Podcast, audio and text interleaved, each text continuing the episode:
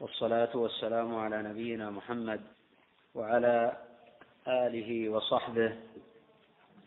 قال الإمام أبو عيسى الترمذي رحمه الله تعالى الباب السابع والعشرون. باب ما جاء في صيد البحر للمحرم. أي هذا باب ما جاء في حكم صيد البحر للمحرم. وقد أجمع العلماء على جواز صيد البحر. لقول الله تعالى أحل لكم صيد البحر وطعامه متاعا لكم وللسيارة. وقال ابن المنذر أجمعوا على أن صيد البحر للمحرم مباح. أجمعوا على أن صيد البحر للمحرم مباح مباح اصطياده وأكله وبيعه وشراؤه. وذكر مثل هذا ابن قدامة رحمه الله في المغني. وحيوان البحر هو ما يعيش في الماء ويفرخ ويبيض فيه كالسمك. والبر هو الذي يعيش في البر ويلد ويبيض ويفرخ فيه.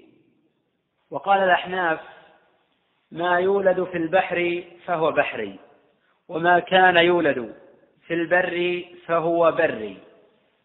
سواء عاش فيه أم لا.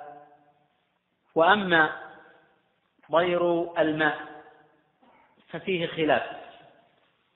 وقال أكثر العلماء فيه وقال أكثر العلماء فيه الجزاء. منهم أهل الرأي والشافعي والحنابلة. لأنه يفرخ ويبيض في البر وإنما يدخل الماء ليعيش فيه ويكتسب منه. وقال بعض العلماء حيثما يكون أكثر فهو من صيده.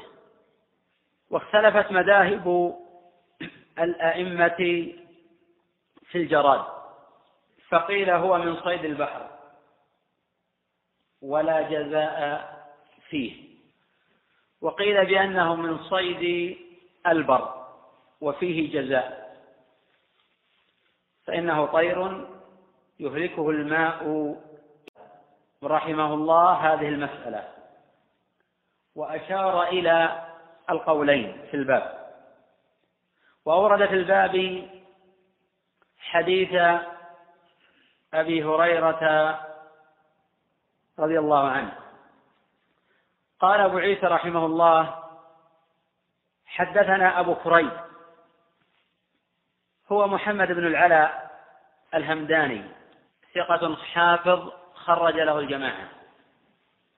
وقد تقدم الحديث عنه قال أخبرنا وكيع تقدم الحديث عنه عن حماد ابن سلمة ابن دينار البصري مولى ربيعة ابن مالك. ابن حنظلة. قال عنه الإمام أحمد رحمه الله أثبت الناس في حميد الطويل. عنه الإمام أحمد رحمه الله أثبت الناس في حميد الطويل. سمع منه قديما. وقال هو أثبت في ثابت من معمر. وقال ابن معين ثقة وقال أثبت الناس في ثابت البناني حماد ابن سلمة. وقد روى عن حماد الأئمة الكبار كيحيى القطان وابن مهدي وابن المبارك وابن المبارك ومالك والثوري وآخرين. وفصل القول في حديثه أنه على مراتب. المرتبة الأولى أثبت الناس في بعض شيوخ الناس في بعض شيوخه كحميد الطويل وثابت. المرتبة الثانية يضطرب في بعض شيوخه الذين لم يكثر ملازمتهم كقتادة. المرتبة الثالثة صدوق في عامة الشيوخ. وقد قال الحافظ ابن حبان رحمه الله تعالى لم ينصف من جانب حديث حماد بن سلمة واحتج بأبي بكر بن عياش في كتابه وبابن أخي الزهري وبعبد الرحمن بن عبد الله بن دينار. فإن كان تركه إياه لما كان يخطئ فغيره من أقرانه مثل الثوري وشعبة. فإن زعم أن خطأه قد كثر من تغير حفظه. فقد كان ذلك في أبي بكر ابن عياش موجودا. وأن يبلغ أبو بكر حماد بن سلمة. في إتقانه أم في جمعه أم في علمه أم في ضبطه.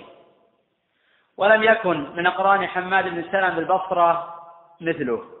في الفضل والدين والنسك والعلم والصلابة في السنة والقمع لأهل البدع ولم يكن يسلبه في أيامه إلا معتزلي قدري أو مبتدع جهمي لما كان يظهر من السنة الصحيحة التي تنكرها المعتزلة. وقد مات رحمه الله وقد مات رحمه الله سنة سبع وستين ومائة قال حماد عن أبي المهزم واسمه يزيد وهذا الذي ذكره أبو عيسى في الباب. وقيل اسمه عبد الرحمن بن سفيان التميمي البصري. روى عنه حسين المعلم وحبيب المعلم وجماعة. قال ابن معين رحمه تعالى ليس بشيء. وقال أبو زرعة ليس بقوي. شعبة يوهنه. يقول كتبت عنه مئة حديث ما حدثت عنه بشيء. وقال الإمام البخاري رحمه الله تعالى تركه شعبة. وقال النسائي والدار قطني والدار قطني وغيرهما متروك. وقد خرج له أبو داود والترمذي وابن ماجه والفصل فيه أنه متروك الحديث.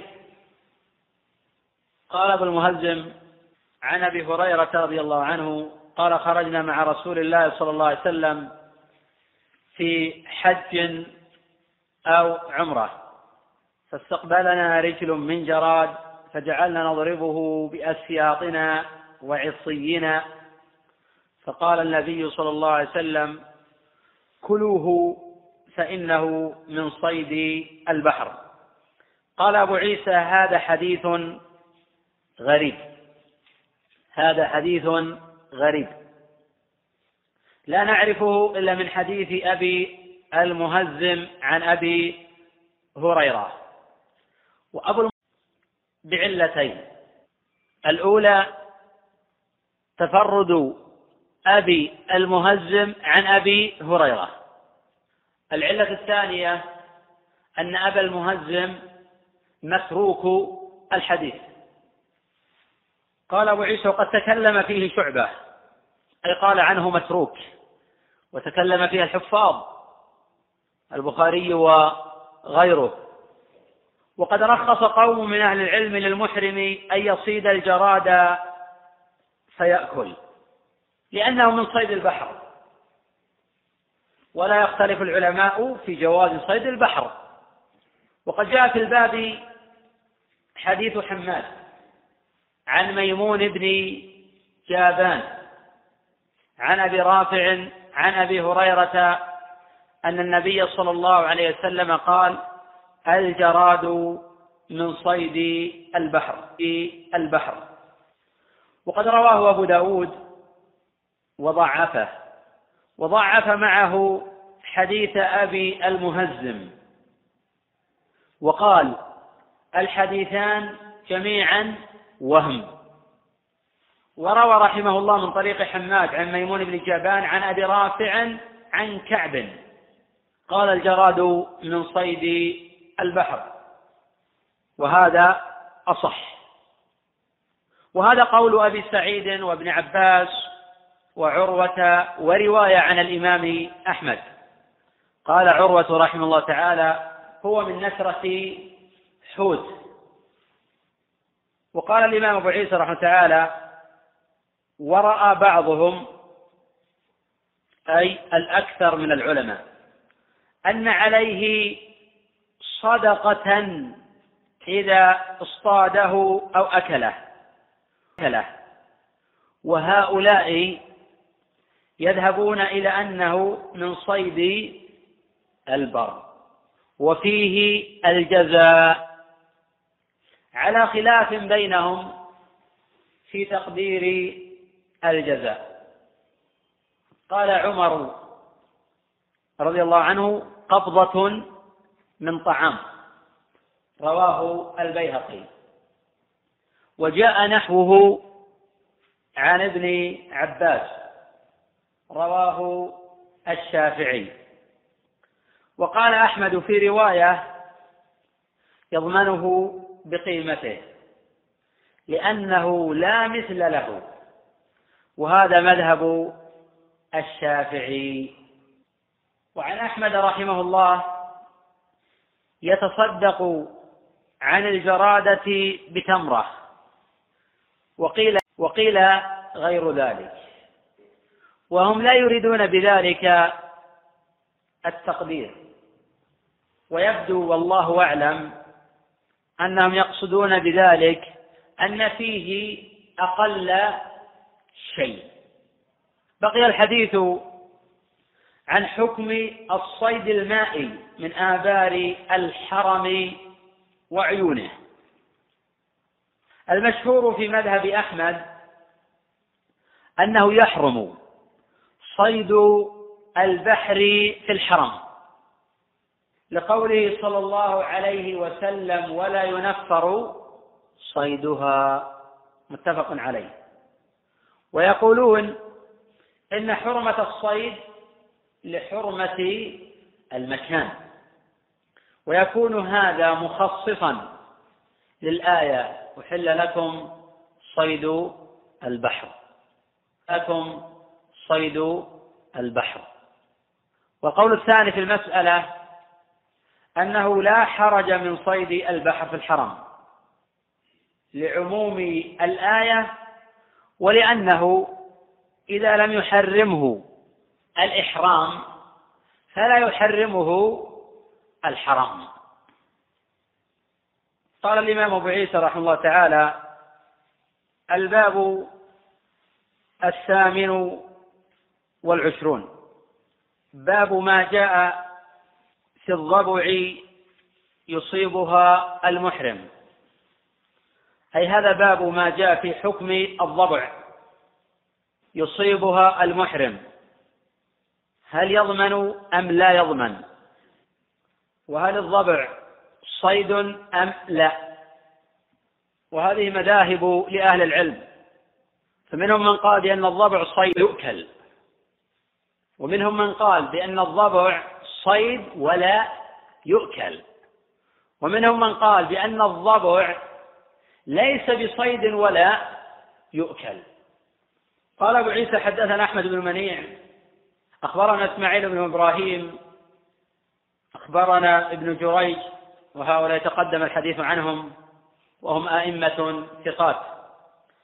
عن عبد الله بن عبيد بن عمير وقد وثقه أبو زرعة وأبو حاتم.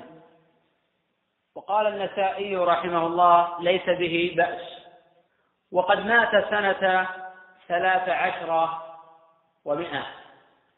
روى له الجماعة سوى البخاري. قال عبد الله عن ابن أبي عمار واسمه عبد الرحمن ابن وثقه أبو زرعة والنسائي. وقال أبو حاتم صالح الحديث. وذكره ابن حبان في ثقاته. وقال الحافظ ابن حجر في التقريب ثقة عابد. وقد روى له الجماعة سوى البخاري. قال عبد الرحمن بن عبد الله قلت لجابر ابن عبد الله الضبع الصيد هي؟ قال نعم. لم يسأل الصيد هي أم لا إلا أنه متقرر عندهم. أن الصيد هو الذي يؤكل. ولذلك الصيد الذي يضمن بالجزاء اشترط. ولذلك الصيد الذي يضمن بالجزاء اشترط له ثلاثة شروط. الشرط الأول أن يكون مباح الأكل لأن الكفارة إنما جعلت في الصيد المحلل أكله دون المحرم على الصحيح. الشرط الثاني أن يكون بريا. الشرط الثالث أن يكون أصله متوحشا سواء استأنس أو لم يستأنس. وما ليس بوحش فلا يحرم على المحرم ذبحه ولا أكله. كبهيمة الأنعام ونحوها. ويعتبر في هذا بالأصل لا بالحال. قال ابن أبي عمار قلت آكلها؟ قال نعم لأنه الصيد. والصيد يؤكل في أصح قولي العلماء. وفي دلالة على أن الضبع مستثنى من تحريم كل ذي ناب. وهذا الذي ذهب إليه أكثر الأئمة. قال ابن أبي عمار قلت أقاله رسول الله صلى الله عليه وسلم أي هذا القول في كون الضبع صيدا وتؤكل أهو من قولك واجتهادك أم هو من كلام رسول الله صلى الله عليه وسلم. رسول الله صلى الله عليه وسلم. قال أبو عيسى هذا حديث حسن صحيح. وقد أخرجه النسائي وابن حبان وابن الجارود وغيرهم من طريق ابن جريج. عن عبد الله عن عبد الرحمن بن عبد الله عن جابر. وقد قال الترمذي رحمه تعالى في علله الكبرى قال البخاري هذا حديث صحيح. وهذا الخبر احتج به الإمام أحمد. وصححه عبد الحق. وقال البيهقي رحمه تعالى هو حديث جيد تقوم به الحجة.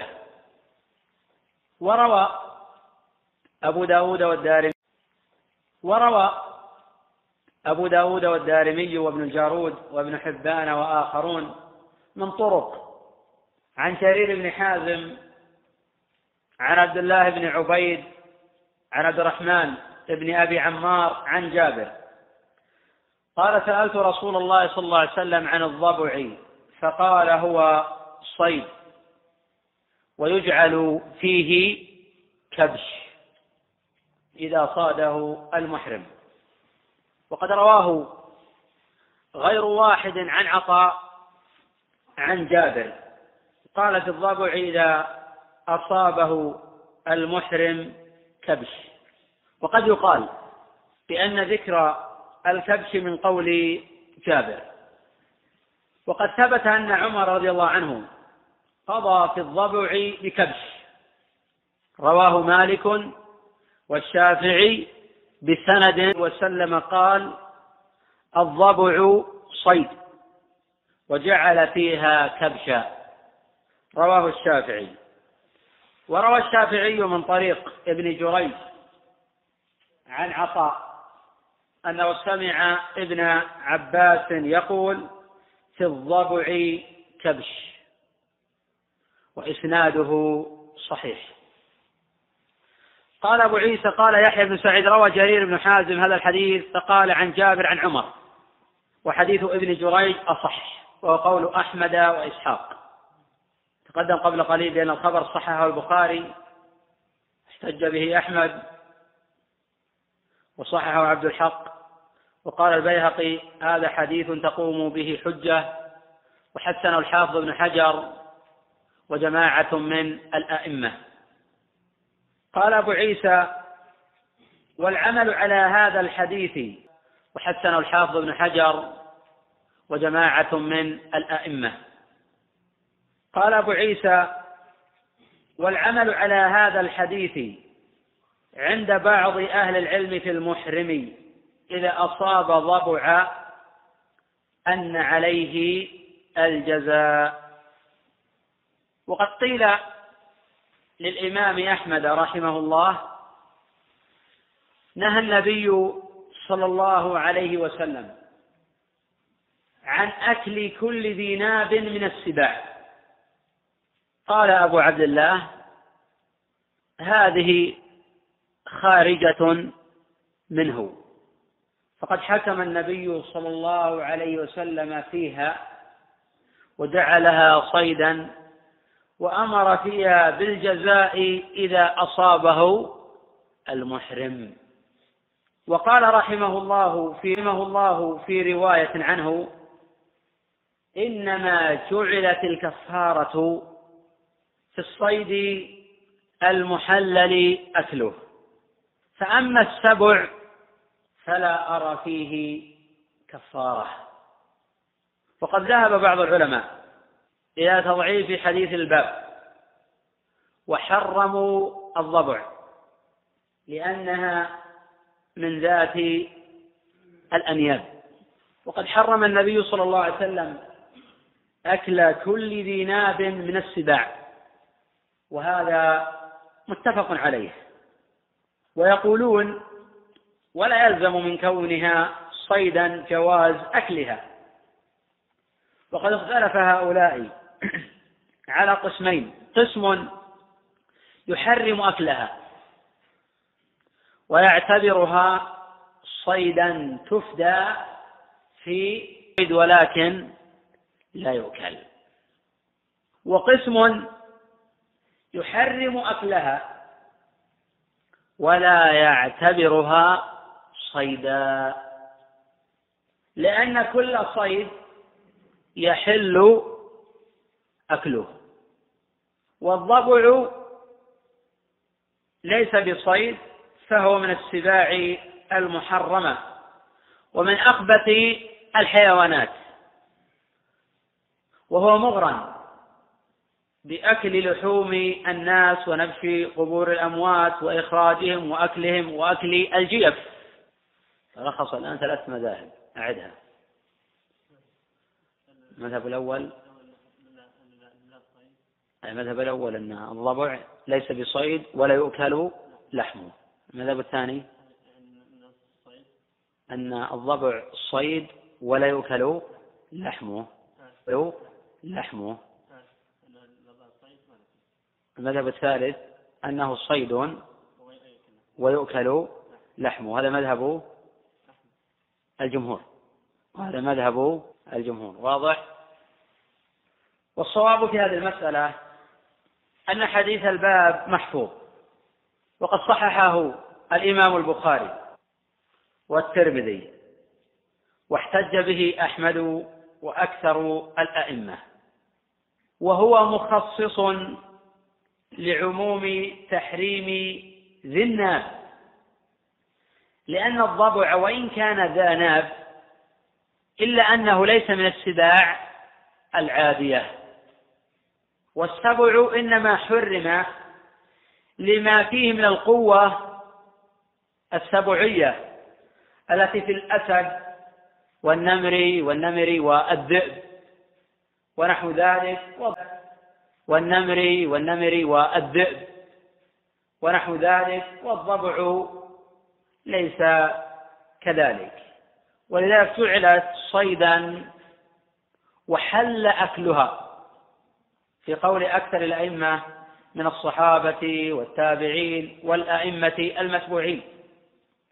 واختار هذا شيخ الإسلام ابن تيمية وتلميذه العلامة ابن القيم وقاله الحافظ ابن حجر رحمه تعالى في الفتح في كتاب الصيد. وجاء في كتاب حياة الحيوان الكبرى قال الشافعي رحمه الله وما زال لحم الضبع يباع بين الصفا والمروة من غير نكير. وأما ما ذكروه من حديث النهي عن أكل كل ذي ناب من السباع فإنه محمول على ما إذا كان يتقوت وله ناب ولكنه ضعيف لا يعدو به. نقف على الباب التاسع والعشرين. باب ما جاء في الاغتسال لدخول مكة. انظر الآن في أسئلة الإخوة. نعم.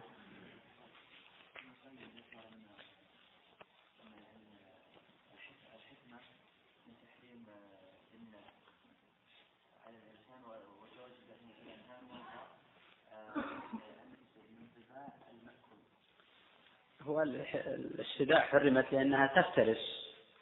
تفترس ولذلك فرق بينها ليس كل ذو ناب ليس كل ذي ناب محرما. الأرنب له ناب ولكنه لا يعدو به.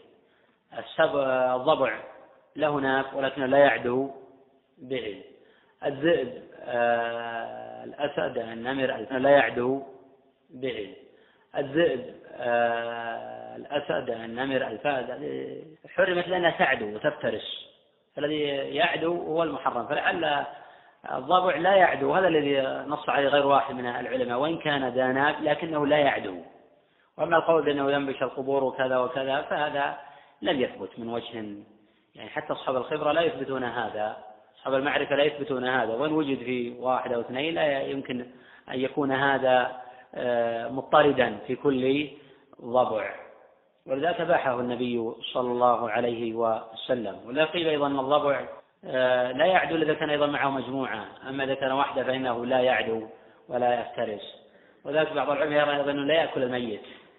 لا يأكل الميت. فكيف يقول أنه آه، يعدو على القبور ويمشي القبور ويأكل الجيف وإلى آخره. لكن هؤلاء يقولون أنهم يبررون الموقف من آه، المنع على حسب ما وصل إليه من اجتهاد النبي صلى الله عليه وسلم. وجاءت الآثار عن الصحابة عن عمر وعن جابر وعن ابن عباس وفي مراسل عكرمة. كل هؤلاء يجعلون الضبع صيدا ويجعلون فيه كبشا والصواب إن ما كان صيدا فإنه يجوز آه، أكله. نعم.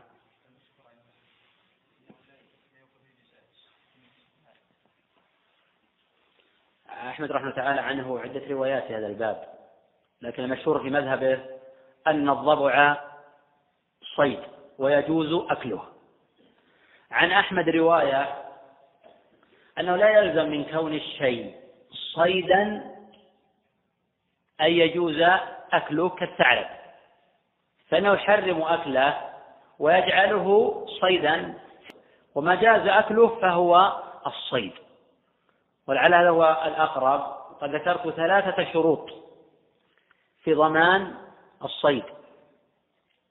أن يكون مباح الأكل. هذا الشرط الأول. الشرط الثاني يكون بريا. خرج بذلك آه، البحر الشرط الثالث يكون متوحشا.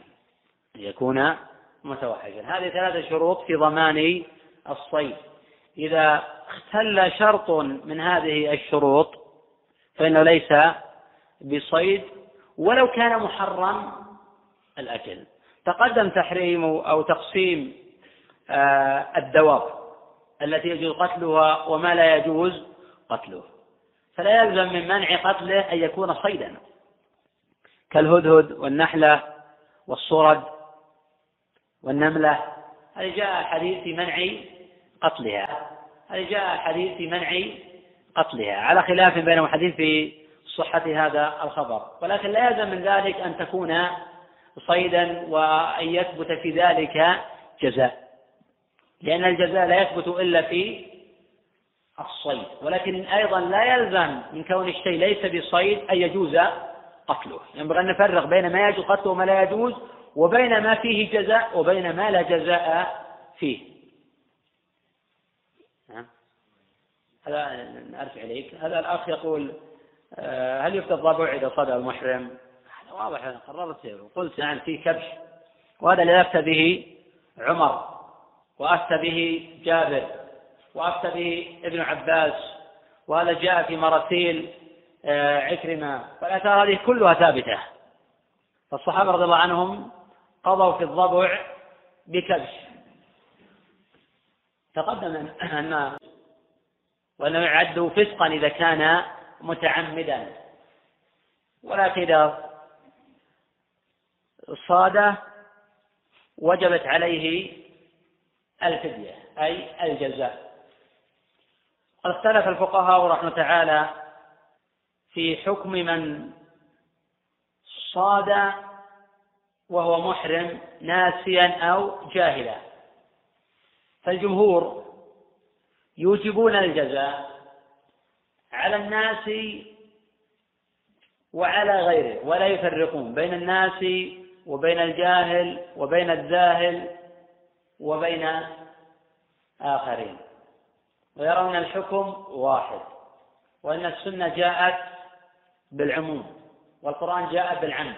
فيؤخذ بالعمد في صريح القرآن ويؤخذ في السنة. ولكن هؤلاء يقولون بأن المتعمد يفسق يعتبر ضارح القرآن ويؤخذ في السنة. ولكن هؤلاء يقولون بأن المتعمد يفسق يعتبر ضالا منحرفا لأنه تعمد ووجبت عليه الجزاء. والجاهل لا يفسق ولا يؤثم ولكن لا يسقط عنه الجزاء. وذهب أبو ثور وداود وابن المنذر وطوائف من فقهاء الشافعية في التفريق بين المتعمد وبين الجاهل والناسي فيوجبون الكفارة في المتعمد. لقوله ومن قتله منكم متعمدا. فجزاء فجزاء مثل ما قتل من النعم وبين الجاهل والناسي فإن هؤلاء يعذرون. لقول الله جل وعلا ربنا لا تؤاخذنا إن نسينا أو أخطأنا. فقد رفع الله الحرج. فقد رفع الله الحرج عن الناس وعن الجاهل. هؤلاء الجمهور يقول عن الآية رب لا تؤاخذنا أي في الإثم ولكن لا يلزم ذلك سقوط آه، الكفارة. آه، أجاب عن هذا داود وجماعته يقولون بأن الله ذكر المتعمد وهذا قيد للأحاديث الواردة في السنة. فنقتصر على ظاهر آه، القرآن والله أعلم. الأخ يقول إذا صاد محرم ولم ينوي ولم يعقد النية. إذا كيف يقال عنه بأنه محرم؟ المقصود في المحرم ليس الذي لبس الإزار والرداء. المقصود في المحرم الذي دخل في النسك.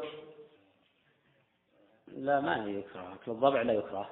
النبي صلى الله عليه وسلم رخص في ذلك. هي مباحة. كل إنسان يتنزع عن الشيء لأن طبيعة لا تتلائم مع أكل هذا أو شرب ذلك هذا من حقه. ولكن ليس من حقه يجعل الحلال مكروها. الأخ يقول يأكلونها. ذكر نعم عن طوائف الناس أنهم يأكلونها. ووجد هذا في عصر شيخ الإسلام رحمه الله تعالى وأفتى هو وغيره بأن هذا من المحرمات ومن الأمور التي يعزر عليها من تعاطاها. لأن النبي صلى الله عليه وسلم قال خمس يقتلن في الحل والحرم الحرم. وجاء في رواية عن النبي عليه وسلم العقرب جاء في رواية الحية. قال قال النبي صلى الله عليه وسلم حديث الصحيحين طبعا وقال صلى الله عليه وسلم اقتلوا الأسودين. الحية والعقرب في الصلاة. والخبر رواه السنن حديث أبي هريرة وإسناده قوي. هذه أدلة وغيرها تفيد بأن الحيات والعقارب آه، لا يجوز أكلها لأمور. الأمر الأول الأمر الأول أنها من الفواسق. الأمر الثاني أنها متسممة وهي تسبب للإنسان الأمراض. الأمر الثالث أن النصوص صريحة في قتلها في الحل والحرام. الأمر الرابع أنها من الخبائث. ولهذا جزم غير واحد من الفقهاء بأن من أكل حية أو عقربا ولو لم تكن متسممة بأنه يفسق. لأنه يأكل الخبائث. ولذلك الحيات ليست من الصيد في شيء. يشرع للمحرم أن يقتلها يقتلها. هذا الأخ سمي أحمد من الرياض يقول ما حكم أكل صيد الحلال للمحرم؟ ما حكم أكل صيد الحلال للمحرم إذا صاده في الحرم؟ إذا صاده في الحرم. تقدم الحديث عن مسألة أكل المحرم من صيد الحلال وأنه إذا صيد من أجله أو أنه أشار إليه أو أعانه بشيء فإنه لا يجوز أكله. ويحمل على هذا حديث الصعب بن جسامة حين امتنع النبي صلى الله عليه وسلم من الأكل. وأما إذا لم يعنه ولم يشر عليه بشيء ولم يصد من أجله فلا حرج أن يأكله. لحديث أبي قتادة وللآثار الواردة في هذا الباب. الباب. أمر آخر صيد الحرم. صيد الحرم لا يجوز. لا للحلال ولا للمحرم. فهو محرم على الحلال وعلى المحرم. ولا يحل للحلال فكيف يحل للمحرم؟ لأن النبي صلى الله عليه وسلم قال ولا ينفر صيدها. ولا ينفر صيدها. فهذا أقل المراتب فقتلها من باب أولى. ولذا قضى الصحابة في حمام الحرم بشاة وهذا دليل على أن من قتل في الحرم ففيه صيدا ففيه الجزاء وهذا الذي صار إليه الإحرام. فأوجبه في الإحرام ولم يوجبه في الحرم. لكن يقال أنه جاء عن الصحابة. صحيح أنه لم يثبت عن النبي صلى الله عليه وسلم ولكن جاء هذا عن الصحابة. فنقضي بالأول بصريح القرآن والسنة ونقضي بالثاني بما جاء عن الصحابة رضي الله عنهم. في أسئلة غير متعلقة بالحج لعل يجيب عنها إن شاء الله في درس التوحيد لا حرج. وهذا السائل من في أسئلة كثيرة من الفلبين ومن أمريكا ومن غيرها لكن غير متعلقة بدرس الحج وأنا إن شاء الله أجيب عنها إن شاء الله بعد قليل. لكن هذا السائل أيضا يقول وهو سامي السرار يقول ما هي المناسبة التي ذكر فيها الحديث؟ الأخ لم يذكر أي حديث ولا أدري ماذا يعني. فإن كان يعني في الباب السابع والعشرين باب ما في صيد البحر للمحرم فهذا واضح. فهذا واضح لأن الحديث السابع والعشرين باب ما في صيد البحر للمحرم فهذا واضح. فهذا واضح لأن الحديث قال كلوا فإن من صيد البحر. هذا دلالة أن صيد البحر يجوز أكله. تقدم تضعيف الخبر. وإن كان يعني حديث جابر في الضبع فهو يقول باب ما جاء في الضبع يصيبها المحرم. وقد قال ابن أبي عمار قلت لجابر الضبع صيد هي؟ قال نعم. إذا كانت صيدا فإن المحرم لا يجوز أن آه، يصيبها. قلت آكلها؟ قال نعم. قلت قال رسول قال نعم. إذا كان يعني هذا الخبر فالمناسبة الحديث إذا كانت الضبع صيدا فإنه لا يجوز صيدها في الحرم وأن من صاد في الحرم ففي ذلك الجزاء ففي ذلك الجزاء. وقد قضى الصحابة رضي الله عنهم بالجزاء بكبش كما آه، ثبت عن عمر بن قضى الضبع بكبش. روى مالك وابن عكرمة بسند رجال ثقات أن وسلم قال الضبع صيد وجعل فيها آه، كبشا وتقدم أيضا ما روى الشافعي من طريق ابن جريج عن عطاء أنه سمع ابن عباس يقول في الضبع آه، كبش وهذا إسناد صحيح. لا لا يجوز للمحرم هذا. إذا صاده فلا يجوز أبدا. إذا صاده المحرم فلا يجوز أكله ولا يجوز بيعه ولا يجوز شراؤه. نعم. اي نعم. حية. آه، من ذوات آه، الناب التي هي داخلة في قول صلى الله عليه وسلم أو حرم صلى الله عليه وسلم أكل كل ذي ناب ولهذا الأئمة يفتون بتحريم أكل الحيات للحديث ولكونها مضرة ولكونها من الفواسق تقتل في الحل والحرم ولكونها من الخبائث ولكونها من ذوات السموم. فلو أزيلت أزيل السم عن الحيات وعن العقارب لم يجوز أكلها للأدلة ذوات النافع من الخبائث التي يحرم أكلها. ولذلك يقول قبل قليل جزم غير واحد من العلماء لأن من أكل الحية فإنه يفسق بذلك ولو أزيل عنها السم لأنه عصى رسول الله صلى الله عليه وسلم في تحريم أكل كل ذي ناب. فهو مرتكب للنهي علانية فيعتبر بذلك آه، عاصيا هذا السائل يقول لماذا لا يقاس قص الأظافر بحديث كعب بن لأن المقصود منهما الترفه.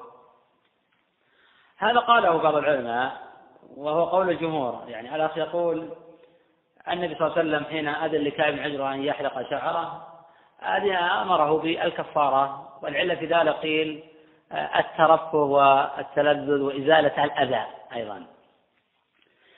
وكذلك إذا الإنسان قلم أظفاره بجامع إزالة الأذى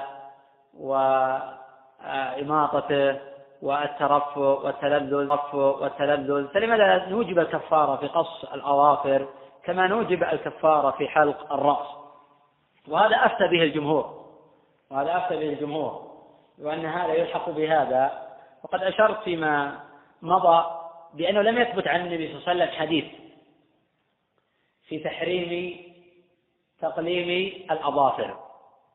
وأن هذا ورد عن ابن عباس. وأفتى به الجمهور بالعلة المذكورة. وخالف في ذلك داود وابن حزم وطائفة من العلماء. فهؤلاء يفتون بأنه لا حرج من تقليم الأظافر لأنه لم يرد نص عن النبي صلى الله عليه وسلم وهؤلاء لا يرون القياس. الأخ لعله يشير إلى من يرى المنع في تقليم الأظافر فلماذا لا يفتي بالفدية, بالفدية؟ كما يفتي يفتي بالفدية في حلق الرأس وهذا الذي لعل الأخ يشير إليه. الجواب في أدلة تفيد أن القياس في هذا الباب لا يضطرد وأنه ليس كل من فعل محظورا وجبت عليه الفدية. وليس كل من ترك واجبا وجبت عليه الفدية بدليل حديث ابن عباس في الصحيحين. أن النبي صلى الله عليه وسلم قال من لم يجد الإزار فليلبس السراويل. ومن لم يجد النعلين فليلبس الخفين. هذا حديث متفق عن صحته ولم يقل النبي صلى الله عليه وسلم وعليه كذا أو كذا. هذا دليل على أن من فعل محظورا فإنه لا جزاء عليه. منهم من أجاب قالوا لأن النبي صلى الله عليه وسلم رخص له. يجاب عنه بأن النبي صلى الله عليه وسلم رخص لكعب بن عجرة. ومنهم من قال بأن هذا ليس فيه إتلاف ويفرق بين ما كان فيه إتلاف وبين ما لم يكن فيه إتلاف. فما كان فيه إتلاف كحلق الشعر. أو قتل الصيد أو تقليم الأظافر ففيه الفدية. وما ليس فيه إتلاف كالطيب أو لبس الإزار أو أو لبس الثوب أو القميص أو العمامة أو القلنسوة أو الحذاء الجوارب مع وجود النعلين فهؤلاء يقولون يعذر ب النسيان أو بالجهل ومنهم يقول يعذر حتى متعمد ولا جزاء ذلك لأنه ليس فيه إتلاف. وهذا أيضا وإن كان أقوى من وإن كان أقوى من القول المتقدم فإن فيه نظرة لأمور. الأمر الأول أن النبي صلى الله عليه وسلم قضى بحلق الشعر ولم يقضي بغيره. وقد حج مع النبي صلى الله عليه وسلم ما لا يقل عن مائة ألف. والخطأ من بعض هؤلاء وارد ولم يوجب النبي صلى الله عليه وسلم فدية. وإن كان هذا قد يجاب عنه فيقال يفرق بين العامد وبين الجاهل. وهذا إذا قيل به يعتبر قولا جيدا يعني أرفع من قول من يفتي بأنه لا فرق بين العامد وبين آه، الجاهل. الأمر الثالث أن القياس في هذه المسألة لم تتوفر شروطه وإذا توفر بعضها انتفى الآخر لأنه يشترط في القياس أربعة شروط. الأصل والفرع والعلة الشرط الثالث الشرط الرابع الحكم. العلة يشترط أن يكون الجامع أقوى من الفارق. فإذا كان فيه جامع ولكن الفارق أقوى. فلا نأخذ بالعلة الجامعة ولكن ينبغي أن نفهم أمرا آخر في القياس. أنه لابد أن تكون العلة منصوصا عليها أو مستنبطة باستنباط جلي. وحين أمر النبي صلى الله عليه وسلم كعبا يحلق رأسه. العلة غير واضحة. هل هي لأجل الترفه؟ أو كما يقول بعض الفقهاء لأجل في شعره آه، فإن في شعره قملا فلأجل القمل أو العلة مجموع الأمرين. أو أو العلة إماطة الأذى. فمن أماط أذى فإنه يحلق. فيقول لأن العلة الترفه هذا إشكال. لأنه إذا اغتسل في ترفه في تلذذ. والغسل جائز.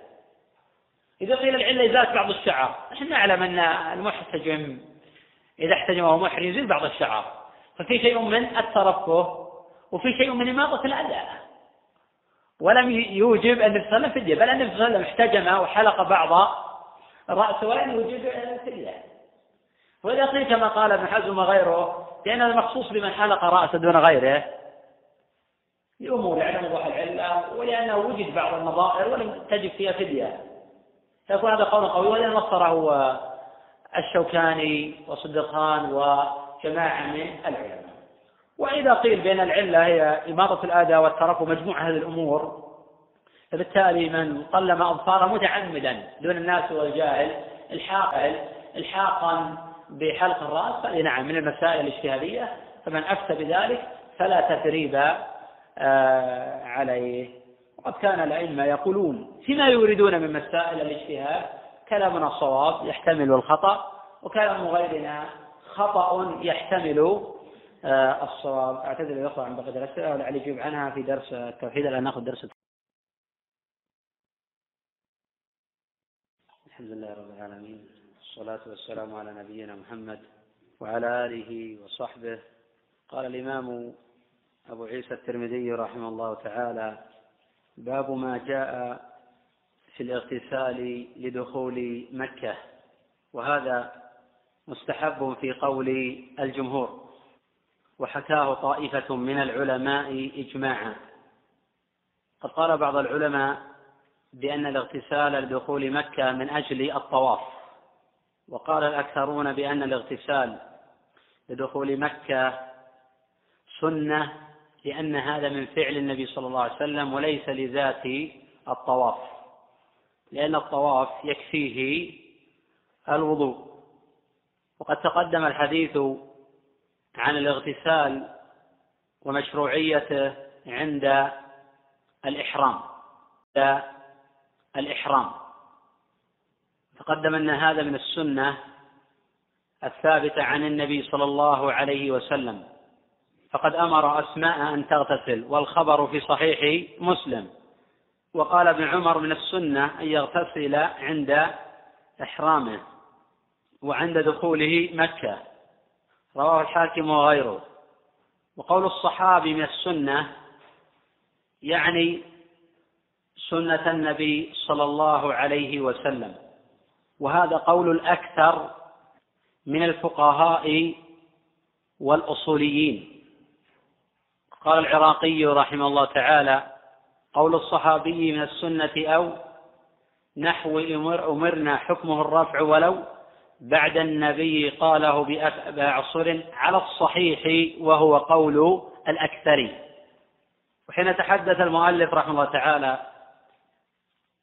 وتحدث عما وراء هذا من الأحكام فأراد رحمه الله تعالى أن يتحدث عن دخول النبي صلى الله عليه وسلم مكة من أعلاها وخروجه من أسفلها ثم ما يتعلق بدخول مكة نهارا ثم يتعلق في كيفية الطواف وما جاء في الرمل من الحجر إلى الحجر. قدم قبل ذلك الاغتسال عند دخول مكة. وأنه سنة. فقد فعله النبي صلى الله عليه وسلم. والأصل في الفعل المجرد أن يفيد الاستحباب دون الإجابة وأفعال النبي صلى الله عليه وسلم على مراتب. والأصل أن يفيد الاستحباب دون الإجابة وأفعال النبي صلى الله عليه وسلم على مراتب. والأصل في الفعل أن يفيد الاستحباب وقد ينتقل إلى الإيجاب بقرينة على تفاصيل بين الفقهاء والأصوليين. في الفعل إذا كان مفسرا لمطلق الأمر من القول. النوع الثاني من الأفعال أن يكون من مقتضى الجبلة ولم يفعل على وجه التعبد فهذا ليس بسنة. ولكن من فعله تأسيا بالنبي صلى الله عليه وسلم فإنه يؤجر على هذا ومن فعله على وجه التعبد فإنه ينكر عليه.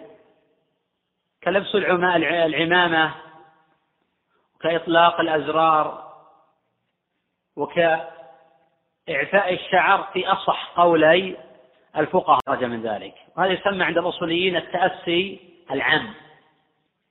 ومن فعله على وجه التعبد وأن هذا السنة فهذا في قولا للفقهاء. القول الأول ما ذهب إليه الإمام أحمد بأنه مستحب. وقال الإمام أحمد له كلفة ومؤنة ولو نقدر عليه لاتخذناه. والقول الثاني هو قول الأكثر أنه ليس بالسنة لأن هذا مما تقتضيه الجبلة وتقتضي عادات العرب الأول ولم يخالفهم النبي صلى الله عليه وسلم. باعتبار حاجتهم إلى إبقاء الشعر. وأن هذا بمنزلة لبس العمامة لأن من عادات من يلبس العمائم وبمنزلة إطلاق الأزرار ونحو ذلك. قال الإمام أبو عيسى رحمه الله تعالى حدثنا يحيى ابن موسى. يحيى بن موسى يحيى بن موسى ابن عبد ربه الحداني البلخي السختياني كوفي الأصل روى عنه البخاري والنسائي وأبو داود والترمذي. وقد وثقه أبو زرعة والنسائي والدار قطني وآخرون. وقد ذكره ابن حبان في ثقاته ومات سنة أربعين ومائتين قال يحيى بن موسى أخبرني هارون ابن صالح ابن إبراهيم القرشي التيمي. وقد روى عنه أبو حاتم الرازي وقال صدوق. وقد روى عنه أبو حاتم الرازي وقال صدوق. وقال ابن حزم لا يعرف من هو. وقد ذكر لا يعرف من هو. وقد ذكره ابن حبان في ثقاته. ولم يروي له أبو عيسى إلا هذا الحديث وهو غير محفوظ. ولم يصب ابن حزم رحمه الله في قوله لا يعرف من هو فقد عرفه غيره. وفي نفس الوقت لا يلزم من معرفته أن يكون خبره صحيحا.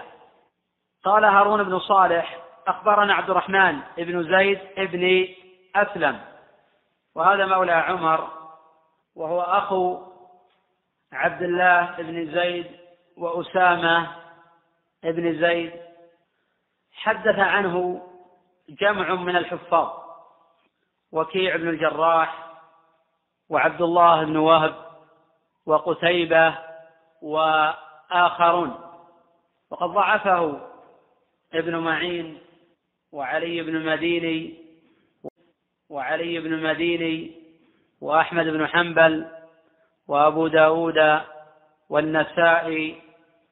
وقال عنه الحافظ ابن خزيمة رحمه الله ليس هو ممن يحتج أهل العلم بحديثه لسوء حفظه هو رجل صناعته العبادة هو رجل صناعته العبادة والتقشف. ليس من أحلاس الحديث. قال الإمام الشافعي رحمه الله تعالى ذكر رجل لمالك حديثا فقال من حدثك؟ فذكر إسنادا له منقطعا. فقال اذهب إلى عبد الرحمن بن زيد بن أسلم يحدثك عن أبيه عن نوح. قال ابن الجوزي رحمه الله تعالى أجمعوا على وابن ماجه. روى هذا الخبر عبد الرحمن عن أبيه وهو ثقة تقدم الحديث عنه عن ابن عمر عن النبي صلى الله عليه وسلم عن ابن عمر قال اغتسل النبي صلى الله عليه وسلم لدخول مكة بفخ فخ بفتح الفاء موضع قريب من مكة. وقد قال بعض العلماء منهم المحب الطبري رحمه الله تعالى بأنه بين مكة ومنى قال أبو عيسى هذا حديث غير محفوظ. وهذا الخبر معلول بعلتين. العلة الأولى ضعف عبد الرحمن بن زيد بن أسلم. العلة الثانية رفعه. وفي علة ثالثة ضعف عبد الرحمن بن زيد بن أسلم. العلة الثانية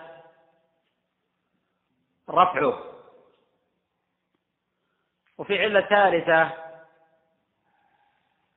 قوله بفخ ولم يذكر ذلك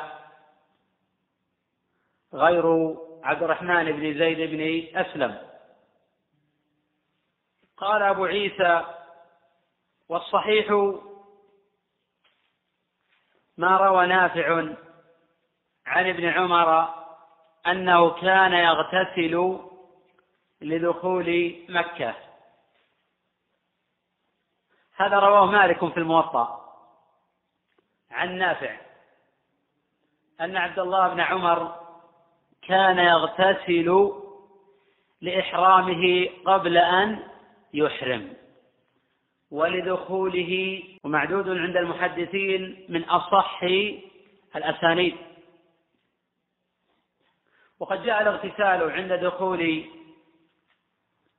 الحرم مرفوعا إلى النبي صلى الله عليه وسلم.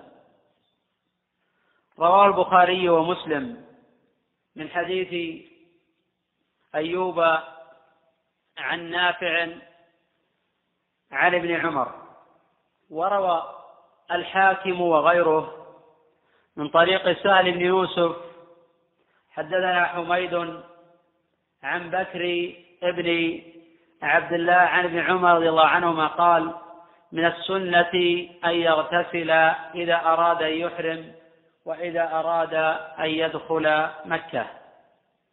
وقد حكى ابن المنذر اتفاق العلماء على استحباب هذا الغسل. وقد حكى ابن المنذر اتفاق العلماء على استحباب هذا الغسل وقال ليس في تركه دم. وقد قيل إن هذا الغسل للطواف وقيل بل هو لدخول مكة لأن الطواف لا يستحب له غسل. فالسنة في ذلك أن يتوضأ. وبدليل أنه لو كان على وضوء فإنه يستحب له الغسل حين يريد دخول مكة. وقد كان ابن عمر يبيت بذي طوى ثم يصلي به الصبح ويغتسل ويحدث أن النبي صلى الله عليه وسلم كان يفعل ذلك متفق عليه. وبه يقول الشافعي يستحب الاغتسال لدخول مكة. تقدم قول ابن المنذر وأن العلماء متفقون على هذا. قال الإمام أحمد رحمه الله تعالى ويغتسل الرجل والمرأة إذا أراد أن يهلا ويغتسلان إذا أراد أن يدخلا الحرم. فإن لم يفعل فلا بأس. وقال في المغني يستحب الاغتسال لدخول مكة والمرأة كالرجل وإن كانت حائضا أو نفسا. وتقدم الحديث عن حكم حكم التيمم في الذين لا يجدون ماء أو لا يقدرون على استعماله عند الإحرام. وتقدم تصويب أن الصواب عدمه وأن هذا غسل يقصد منه النظافة. والتيمم لا يأتي بهذا. ومن أراد أن يؤدي عبادة مقصودة لذاتها كي يريد الطواف ولم يجد ماء فإنه يتيمم.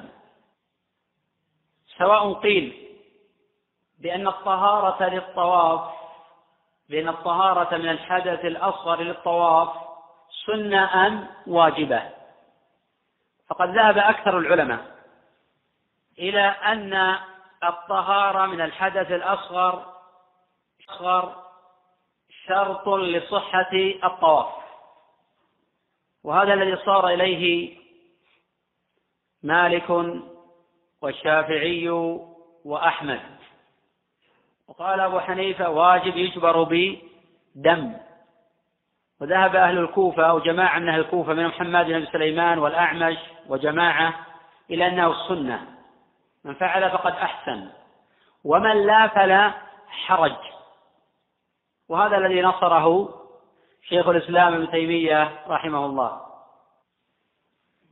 قال أبو عيسى رحمه الله تعالى وعبد الرحمن بن زيد بن أسلم ضعيف في الحديث. ضعف أحمد بن حنبل وعلي بن المديني وغيرهما لا نعرف هذا مرفوعا إلا من حديثه. وتقدم أن هذا الخبر معلول بثلاث علل. أعيدها. العلة الأولى ضعف عبد الرحمن بن زيد بن أسلم. العلة الثانية تفرده العلة الثانية تفرده بالرفع. العلة الثالثة نكارته حيث ذكر أنه اغتسل بفخ. قال أبو عيسى رحمه الله تعالى الباب الثلاثون. باب ما جاء في دخول النبي صلى الله عليه وسلم مكة من أعلاها وخروجه من أسفلها. باب أي هذا باب خبر لمبتدأ محذوف. ما جاء أي من الأحاديث في دخول أي في كون النبي صلى الله عليه وسلم دخل مكة من أعلاها. ويحتمل أن دخل أنه دخل ذلك تقصدا. فيكون هذا العمل سنة. ويحتمل أنه دخل مكة من أعلاها لأنه الأسهل له. ولم يكن يتقصد ذلك ولم يكن يتقصد ذلك فلا يكون سنة.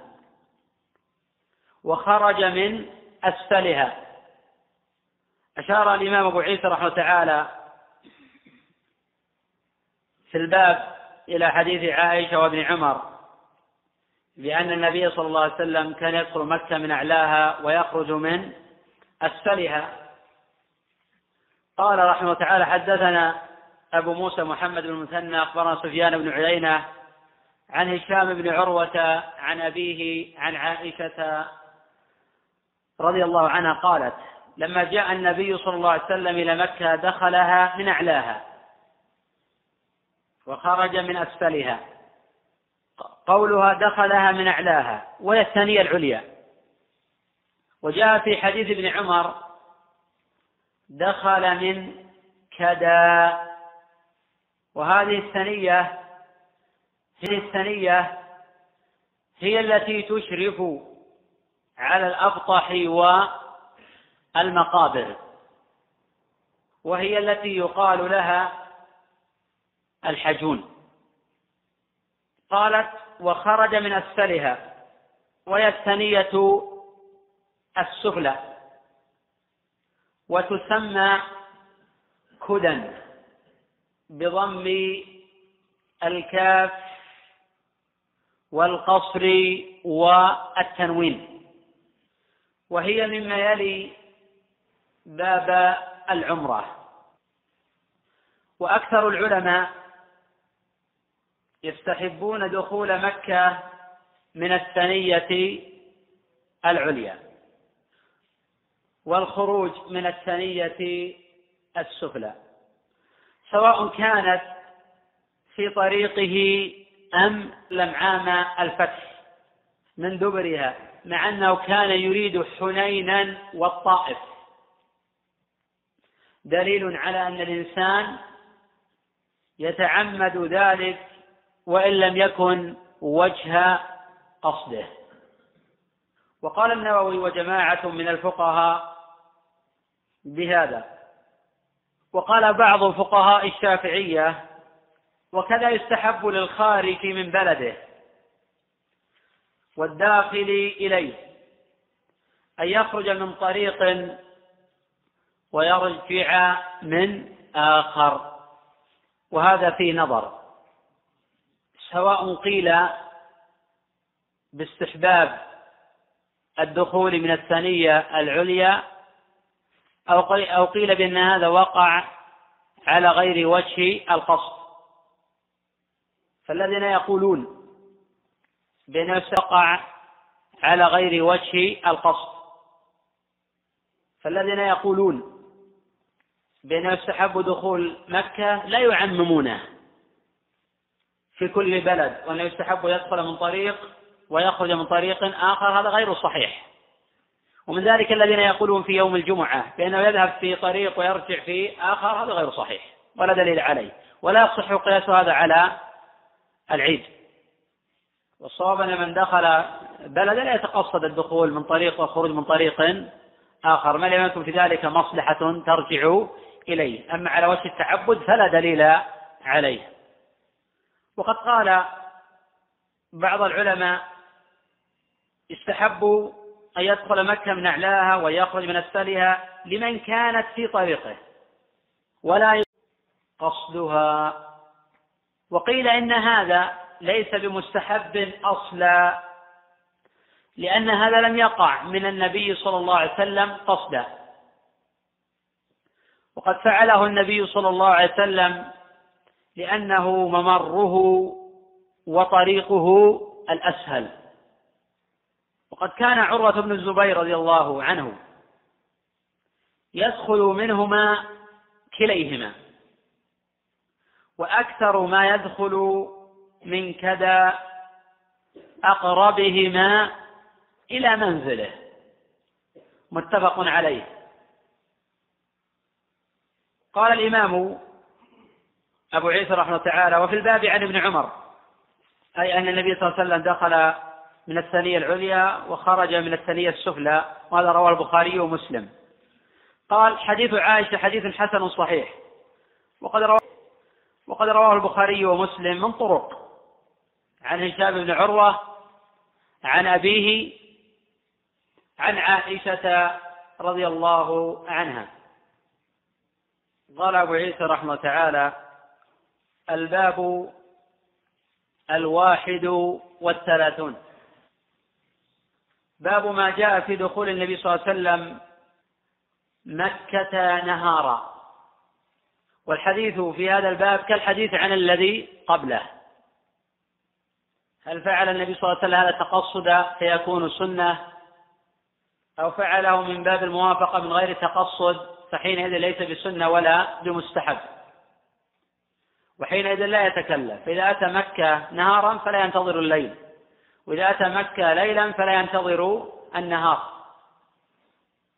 وقد ثبت أن النبي صلى الله عليه وسلم دخل مكة ليلا ودخلها نهارا. فحفظ أمران معا عن رسول الله صلى الله عليه وسلم. وكان الأكثر في هديه أن يدخل مكة نهارا. وحفظ في عمرة الجعرانة أنه دخل مكة ليلة. قال أبو عيسى حدثنا يوسف ابن عيسى أي ابن دينار الزهري المروزي روى عنه البخاري ومسلم والنسائي والترمذي ووثقه النسائي وذكره ابن حبان في ثقاته. وقد مات سنة تسع وأربعين ومائتين. قال أخبرنا وكيع تقدم الحديث عنه ابن الجراح الثقة الثابت خرج له الجماعة. قال أخبرنا العمري وهو عبد الله بن عمر المكبر الله الثقة المشهور. قال عنه قال عنه الإمام أحمد رحمه الله تعالى صالح لا بأس به. قد روي عنه. ولكن ليس مثل عبيد الله.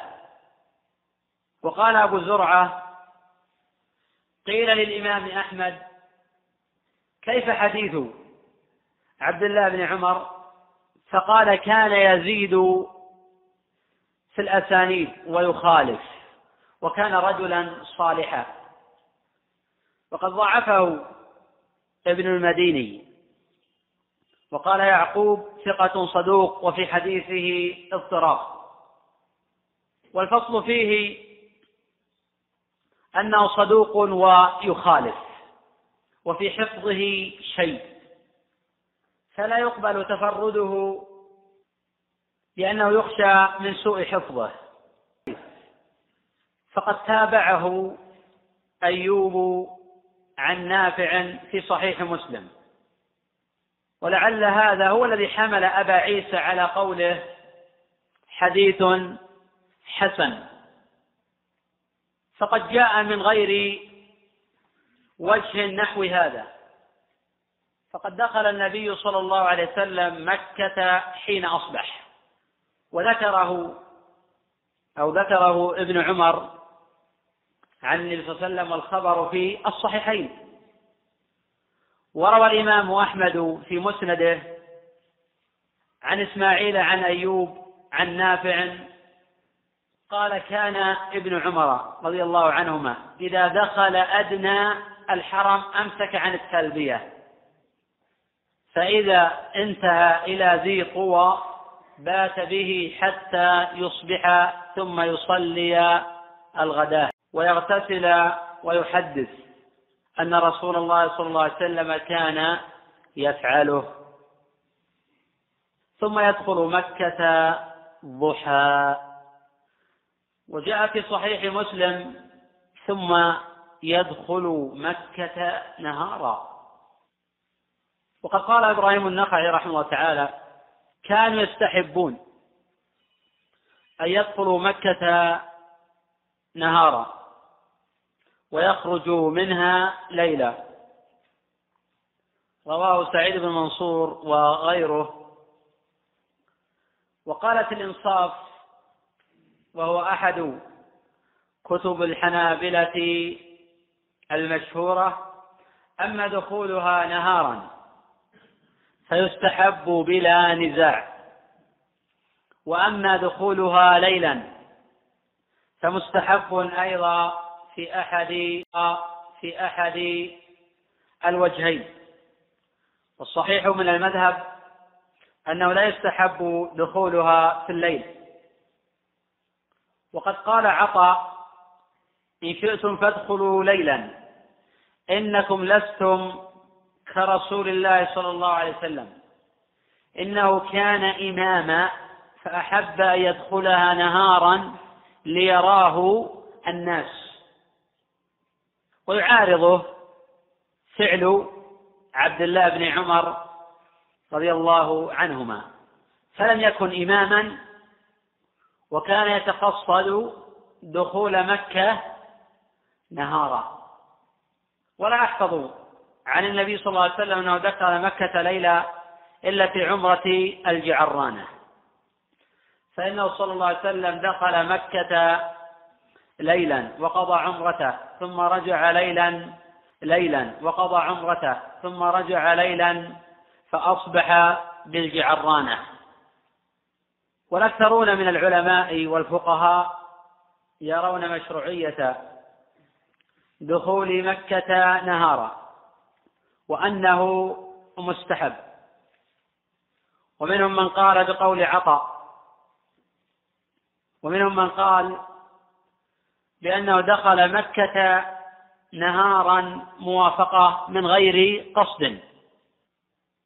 وملخص هذا أن النبي صلى الله عليه وسلم دخل مكة نهارا ودخل ذلك ليلا. فإذا دخل نهارا فقد وافق فعل النبي صلى الله عليه وسلم. وإذا دخل ليلا فقد وافق فعل النبي صلى الله عليه وسلم.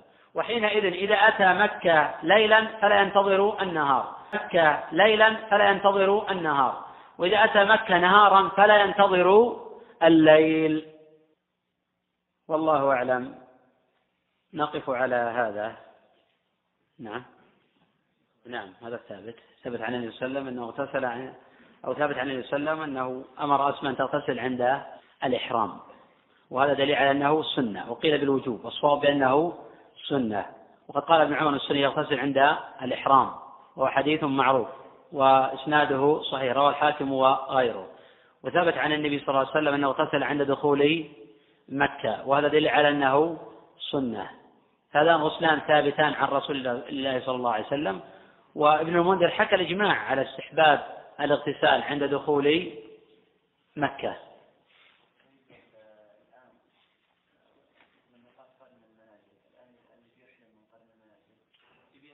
لا يختلف الحكم.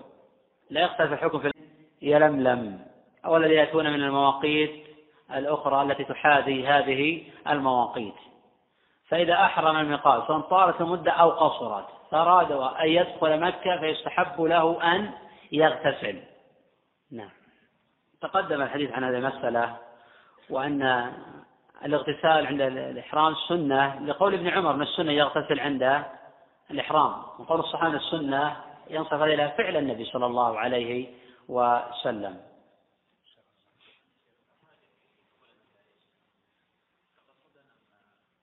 والله واضح قول عطاء. عطاء رضي الله عنه يرى أن النبي صلى الله عليه وسلم دخل مكة من أعلاها لأنه الأسهل ولم يكن يصلي يتقصد. ولكن ذكر غير واحد من الفقهاء بأن الثانية العليا لم تكن في طريق النبي صلى الله عليه وسلم وأنه كان ينحرف إليها.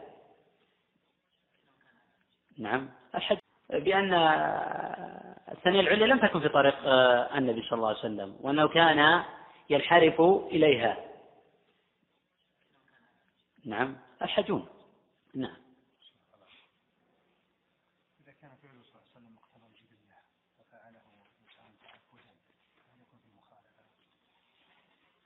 إذا فعل النبي صلى الله عليه وسلم امرا الأخ يقول إذا فعل النبي صلى الله عليه وسلم امرا بمقتضى الجبلة ثم أتى شخص يفعل ذلك تعبدا هل يكون مخالفا؟ بلا ريب أنه مخالف لهدي النبي صلى الله عليه وسلم. وفعله المركوز في الجبلة كالأكل والشرب فليس بملة. من غير لمح الوصف والذي احتمل تردا ففي شرع حصل إلى آخر ما قاله في المراقي. فأفعال النبي صلى الله عليه وسلم على ثلاث أقسام منه ما فعل الإنسان على وجه التعبد. فهذا يكون سنة كجلسة الاستراحة في أصح قولي آه، العلماء. ومثل هذا كثير جدا. ويمثل ذلك في الأمور المتفق عليها وفي الأمور فقد ذهب لجلسة الاستراحة في الصلاة الشافعي وأحمد في آخر القولين عنه. وقد قال مالك بن الحويرث رأيت النبي صلى الله عليه وسلم يصلي. فإذا كان في وتر من صلاة لم ينهض حتى يستوي جالسا. رواه البخاري وغيره فهذا دليل على جلسة الاستراحة السنة. ومن قبل أن فعلها من أجل الكبر لا دليل عليه هذا مجرد اجتهاد. ولأن ناقل هذه الصفة هو الذي حكى لنا أن النبي قال صلوا كما رأيتموني أصلي رواه البخاري وغيره. النوع الثاني ما فعل النبي على غير وجه التعبد اتفاق العلماء. كقيامه وقعوده ونحو ذلك. هذا ليس على وجه آه، التعبد. وكلبس العمامة ليس على وجه التعبد. الأمر الثالث الذي يكون مترددا بين هذا ومترددا بين هذا وذاك. فيقع في خلاف قوي بين العلماء كإعفاء الشعر. في أحاديث تفيد أن إعفاء الشعر محمود لكن لا يصح أكثر. وفي أحاديث لا تفيد ذلك ولكن تفيد أن النبي صلى الله عليه وسلم أبقاه لأنه هو الأصل. ولأنه على عادات آه، قومه ولم يكن النبي صلى الله عليه وسلم يخالفهم في هذا لأنه لم يأتي ما يوجب المخالفة. فنهى النبي صلى الله عليه وسلم عن القزع. ونهى النبي صلى الله عليه وسلم أن تحلق رأسها. وكان النبي صلى الله عليه وسلم لا يحلق إلا في حج أو عمرة. فبقي على الأصل. فهل هو سنة ويستحب أن الإنسان يبقي شعره فلا يحلق إلا في حج أو عمرة. أو أنه ليس بسنة فمن أبقاه من باب التأسي بالنبي صلى الله عليه وسلم آه، التأسي العام فلا حرج. وأما على وجه التأسي الخاص الذي هو يؤدى كعبادة فهذا فيه نظر. انظر أيضا أسئلة الأخوة اللي يتابعونا عبر عبر الشبكة. في أسئلة متكررة لكن لا مانع أجيب عنها على عجل. هذا السائل وإن كان بعضه غير متعلق بالحج فلا حرج أن يشير إلى هذا. السؤال الأول يقول نشهد الله على حبكم وحبكم واحدنا فيه والأخ من ليبيا واسمه أكرم. يقول ما رأيكم بذهاب الأخوة إلى العراق للجهاد هناك؟ بلا ريب أن الجهاز العراق جهاد شرعي لمواجهة العدوان الصليبي. ومناصرة المسلمين مطلوبة وواجبة ولا يختلف الفقهاء حكاوا إجماعا ابن عبد البر والبغوي والقرطبي. وغير هؤلاء بأن العدو إذا نزل ببلاد المسلمين وحل مستعمرا مستحلا أن أهل البلد يواجهون ويقاتلون على قدر إمكانيتهم. فإن قامت من الكفاية وكان قدرة لطرد العدو فلا يجب على من ورائهم ولكن تستحب النصرة وبذل المال المتعلق بذلك. وإن لم تقم بهم الكفاية وجب على من قرب منهم مناصرتهم. لأن النبي صلى الله عليه وسلم أمر بالمناصرة والله جل وعلا قال وما لكم لا تقاتلون في سبيل الله. والنبي صلى الله عليه وسلم قال المؤمن المنكر بنيان يشد بعضه بعضا. والنبي صلى الله عليه وسلم قال مثل المؤمنين في توادهم وتراحمهم وتعاطفهم كمثل الجسد الواحد إذا اشتكى منه عضو تداعى له السائر الجسد بالسهر والحمى. وهذا هو الذي قبل متفق آه، عليهما. والأخوة الآن بحاجة إلى الكوادر ليسوا بحاجة إلى كل شخص بحاجة إلى الكوادر. من كان عنده قدرة ويرى أن إن شاء الله أنه ينفع وينكي بالعدو فليذهب على بركة الله. ومن كان يعني آه، أقل من ذلك وليس عنده القدرة آه، فليبذل لسانه في الذب عنهم ومناصرتهم وليسخر ماله والجمع لهم لأن هذا يعين على آه، المواصلة. وفي حديث حماد عن حميد مالكم وأنفسكم وألسنتكم وبعض الناس يشتري شروطا في جهاد الدفع وهذا أمر ليس له أصل. الشروط التي تذكر في كتب الفقهاء هي في شروط أو في جهاد الطلب. وأما جهاد الدفع فلا يشترط له شرط ولكن إن كان الأخوة بحاجة إلى آه، مثلك فحينئذ تذهب بدون إذن أحد. وإن كان الأخوة ليسوا بحاجة إلى مثلك ولكن تريد أن تحتسب وأن تعين فهذا يشترط فيه إذن الوالدين لأن طاعة الوالدين واجبة. ولأن الجهاد هذا حالة ما تعين عليك أما لو تعين عليك بحيث أن الأخوة بحاجة إلى مثلك أو هم في الآن بحاجة إلى أي شخص يعينهم ويناصرهم فحين يكون الجهاد فرض عين ولا حينئذ لا يشترط له شرط في هذه آه، الحالة. ويختلف الحكم في الذين آه، يريدون مواجهة العدو في بلادهم عن الذين يريدون الذهاب إلى البلاد الأخرى. هو صحيح أن بلاد المسلمين كالبلد الواحد هذا لا شك فيه. وهذا كان محل إجماع من السلف ولكن الذين كانوا يقررون لا شك فيه وهذا كان محل إجماع من السلف ولكن الذين كانوا يقررون أن بلاد المسلمين كالبلد الواحد كانوا يقررون في التفريق بين بلد وبلد كما لو أن العدو استحل بيتك. إذا كان أهل البيت قادرين على طرده يستغنون عن الجيران. وإذا كانوا غير قادرين فهم يحتاجون إلى آه، دور المجاورة. فمثل ذلك إذا كان الأخوة بحاجة أو في العراق بحاجة إلى آخرين وإلى المناصرة ونحو ذلك يجب على هؤلاء. والذي نعرف من واقعهم بحاجة إلى أصحاب الكوادر الذين عندهم قدوة بحاجة إلى أموالكم ومناصرة بألسنتكم. وبقية الجبهات يعني قد يتعذر الوصول إليها كفلسطين ولا في الجهاد أيضا متعين وكذلك الشيشان قد يتعذر الوصول إليه وكذلك في أفغانستان ولكن يتعذر المجاهدة للسنان فلا أقل من كون الإنسان يقنط لهم ويسأل الله جل وعلا نصرهم ويدعو على تحتاج الأخوة إلى مثله يكون مستعدا متأهلا لمواجهة العدوان والاحتلال آه، الصليبي. هذا الأقسام الشرقية. يعني سبق الجواب عنه فلا أدري لعل الأخ يعني ما وصله الجواب إلا في الدراسة. ما سبق الجواب عنه حين سأل قال ما حكم زكاة آه، الحلي؟ وقد كتب آه، ورأى أو بعد سؤالي بأنه مهم. وقد تحدثت عنها بتوسع وقلت أن زكاة الحلي فيها خلاف بين العلماء. منهم من يرى الوجوب ومنهم من لا يرى الوجوب أصلا ومنهم من يقول زكاة عاريته ومنهم يفرق بين الملبوس وبين آه، المتخذ. والصواب من هذه المذاهب كلها أن الحلي لا زكاة فيه إلا ما أعد للتجارة. فما أعد للتجارة فالزكى زكاة العروض. وأما ما آه، لم يعد للتجارة وعد لللبس أو للإعارة أو لغير ذلك فلا زكاة فيه. وأما الحديث المشهور حديث عمرو بن شعيب عن أبي عن جده أن امرأة أتت إلى النبي صلى الله عليه وسلم وفي يد ابنتها مسكت. شعيب عن أبي عن جده أن امرأة أتت إلى النبي صلى الله عليه وسلم وفي يد ابنتها مسكتان غليظتان من ذهب. فقالت تؤدين زكاة هذا؟ قالت لا. قال أيسرك آه، يصورك الله بسورين آه، من نار؟ فهذا الخبر معلول. قد عله النسائي وغيره وفيه أكثر من علة الصواب إرساله وفيه أيضا اختلاف واضطراب. والذي ذهب إليه أكثر العلماء من الصحابة والتابعين والأئمة المتبوعين كمالك والشافعي وأحمد في أصح الروايات عنه أنه لا زكاة في الحلي. ومن أراد أن يحتسب ويخرج من خلاف العلماء ويؤدي الزكاة فهذا أمر محمود ولا تثريب عليه بل يؤجر على ذلك ويثاب فقد قال الله جل وعلا وما أنفقتم من شيء فهو يخلفه. آه، قال غير من المفسرين يخلفه في الدنيا بالبدل وفي الآخرة بالثواب الجزيل والأجر آه، العظيم. وقال النبي صلى الله عليه وسلم ما نقص مال من الصدقة والخبر. رواه الإمام مسلم رحمه الله تعالى في صمال من الصدقة والخبر. رواه الإمام مسلم رحمه الله تعالى في صحيحه. في أسئلة أيضا كثيرة لكن أحاول أركز لعلي أرجع إلى الأسئلة المتعلقة بالحج. الأخ يقول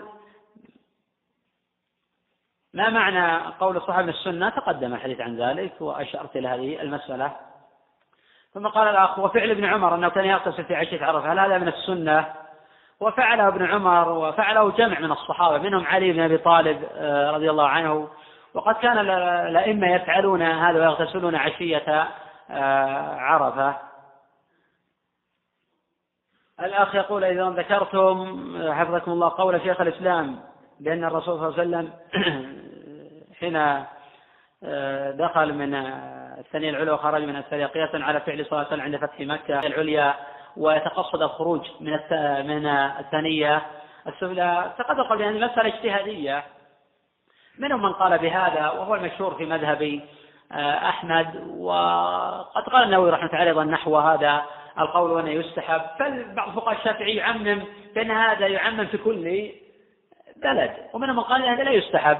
وأن دخل الثانية عليا لأنها كانت أسهل لدخول وخرج من الثانية السفلى لأنها كانت أسهل لخروج. التي يشكل عليه ما قال ابن تيمية رحمة تعالى بأن النبي صلى الله عليه وسلم كان يتقصد هذا لوجود قرائن تفيد هذا المعنى. فهذا قد يقال بأنه إشارة إلى أنه أولى. وإن كان بعض العلماء أيضا اعترض قال كون النبي صلى الله عليه وسلم حاد لأنه أراد يمر بالمقابر وأراد يمر بالحجون لأنه كان أهيا. فكون النبي صلى الله عليه وسلم عدل من هذا إلى ذاك لأنه كان ذاك أهيا في الطريق ولم يكن يتقصد هذا ولأنه ليس بالسنة ولأن عروة رضي الله عنه من تلاميذ عائشة وكان لا يتقصد هذا.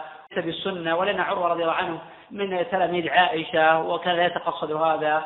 وكان يخرج من الأشياء أو مثلا العليا أنها كانت أقرب إلى آه، منزل. ولا يرى أن هذا سنة مثل ذلك الدخول ليلا أو الدخول نهارا. وإنسان يتخلى يتقصد خلاف هيئة سواء أتى من جهة قرن المنازل أو أتى من جهة آه، المدينة. وعلى كل هذه المسائل من مسائل الاجتهاد التي آه، يتسع الأمر فيها وقد كان الشافعي وغيره من أهل العلم يقولون فيما يريدون من مسائل الاجتهاد؟ كلامنا صواب يحتمل الخطأ وكلام غيرنا خطأ يحتمل آه، الصواب. الأخ يقول ذكرتم الخلاف في الطهارة للطواف وما هو الراجح من ذلك؟ الصواب أن الطهارة من الحدث الأكبر شرط لصحة الطواف. الطهارة من الحدث الأكبر شرط لصحة الطواف وهذا قول الجمهور والأدلة على هذا كثيرة لا تطوف هذا خبر متفق على صحته ولقوله صلى الله عليه وسلم لعائشة افعلي ما يفعل الحاج غير ألا تطوفي بالبيت وهذا خبر متفق على صحته. وأما الطهارة من الحدث الأصغر فالصواب أنها سنة وليست بواجبة. وهذا الذي ذهب إليه جمع من أهل الكوفة. ولنا لم يثبت عن وسلم دليل في الوجوب. النبي صلى الله عليه وسلم إذا أراد يطوف توضأ. وهذا فعل. والفعل يفيد الاستحباب ولا يفيد الوجوب. أما قول من قال بأن الفعل خرج بيانا للقول في والأمر في قول الله جل وعلا وليطوفوا. فالجواب أن في هذا آه، نظرا. وأما حديث الطواف بالبيت صلاة إلا أنكم تتكلمون فيه. فهذا جاء مرفوعا وموقوفا. وقد روى من عند الترمذي وغيره من رواية وغيره من رواية عطاء عن طاووس عن ابن عباس عن النبي صلى الله عليه وسلم. وعطاء قد اختلط. وقد روى عنه جرير وجماعة آه، بعد الاختلاط. ورواه عبد الله بن طاووس وهو ثقة عن أبيه عن ابن عباس موقوفا.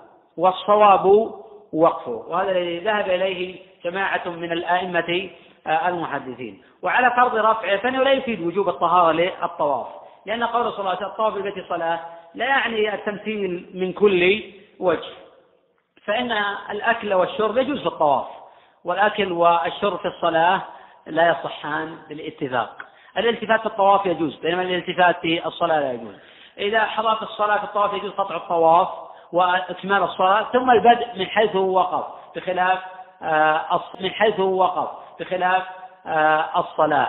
ففي فروق كثيرة بين الطواف وبين آه، الصلاة. وملخص هذا أن العلماء في الطهارة للطواف على ثلاثة مذاهب. أتحدث عن الحدث الأصغر.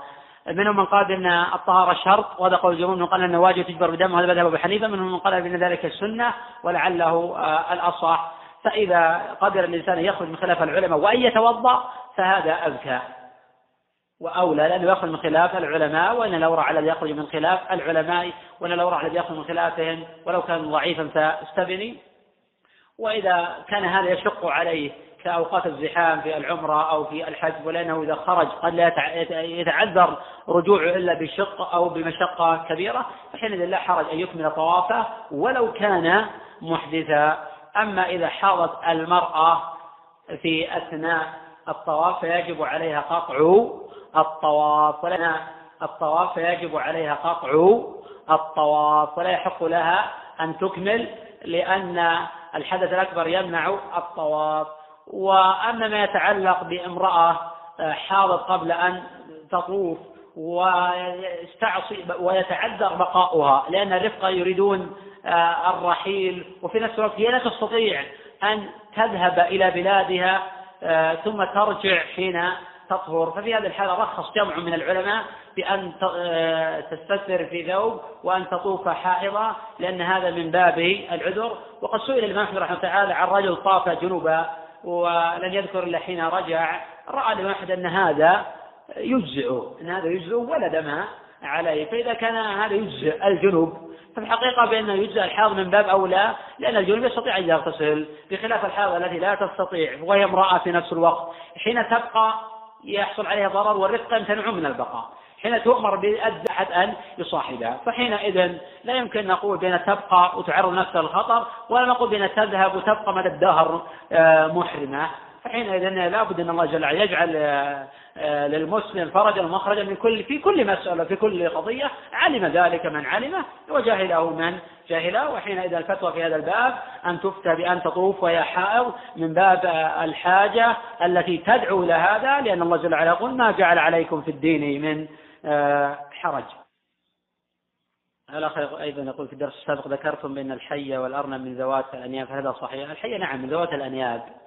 قد حرم النساء أكل كل ذي ناب والحية تعدو بخلاف الأرنب وإن كان ذا ناب إلا أنه لا يعدو. ولذلك يجوز أكله الأرنب ويسمى آه، صيده. وقد جرى التفريق بين آه، ذي الناب الذي يعدو وبين ذي الناب الذي لا يعدو. تقدم الحديث عن الضبع وأن الضبع الصيد ولذا تفتى الصحابة رضي الله عنهم في أن في وأن الضبع الصيد ولذا تفتى الصحابة رضي الله عنهم في أن في الضبع آه، كبشا.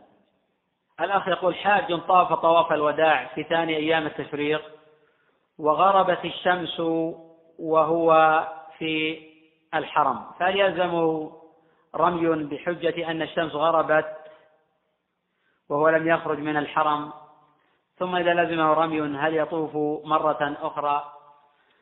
الذي يلزمه البقاء إذا كان في منى وليس في الحرم فإذا غربت الشمس من اليوم الثاني عشر وهو خارج منى فلا يلزمه الرمي من اليوم الثالث؟ عشر ولا يلزمه البقاء.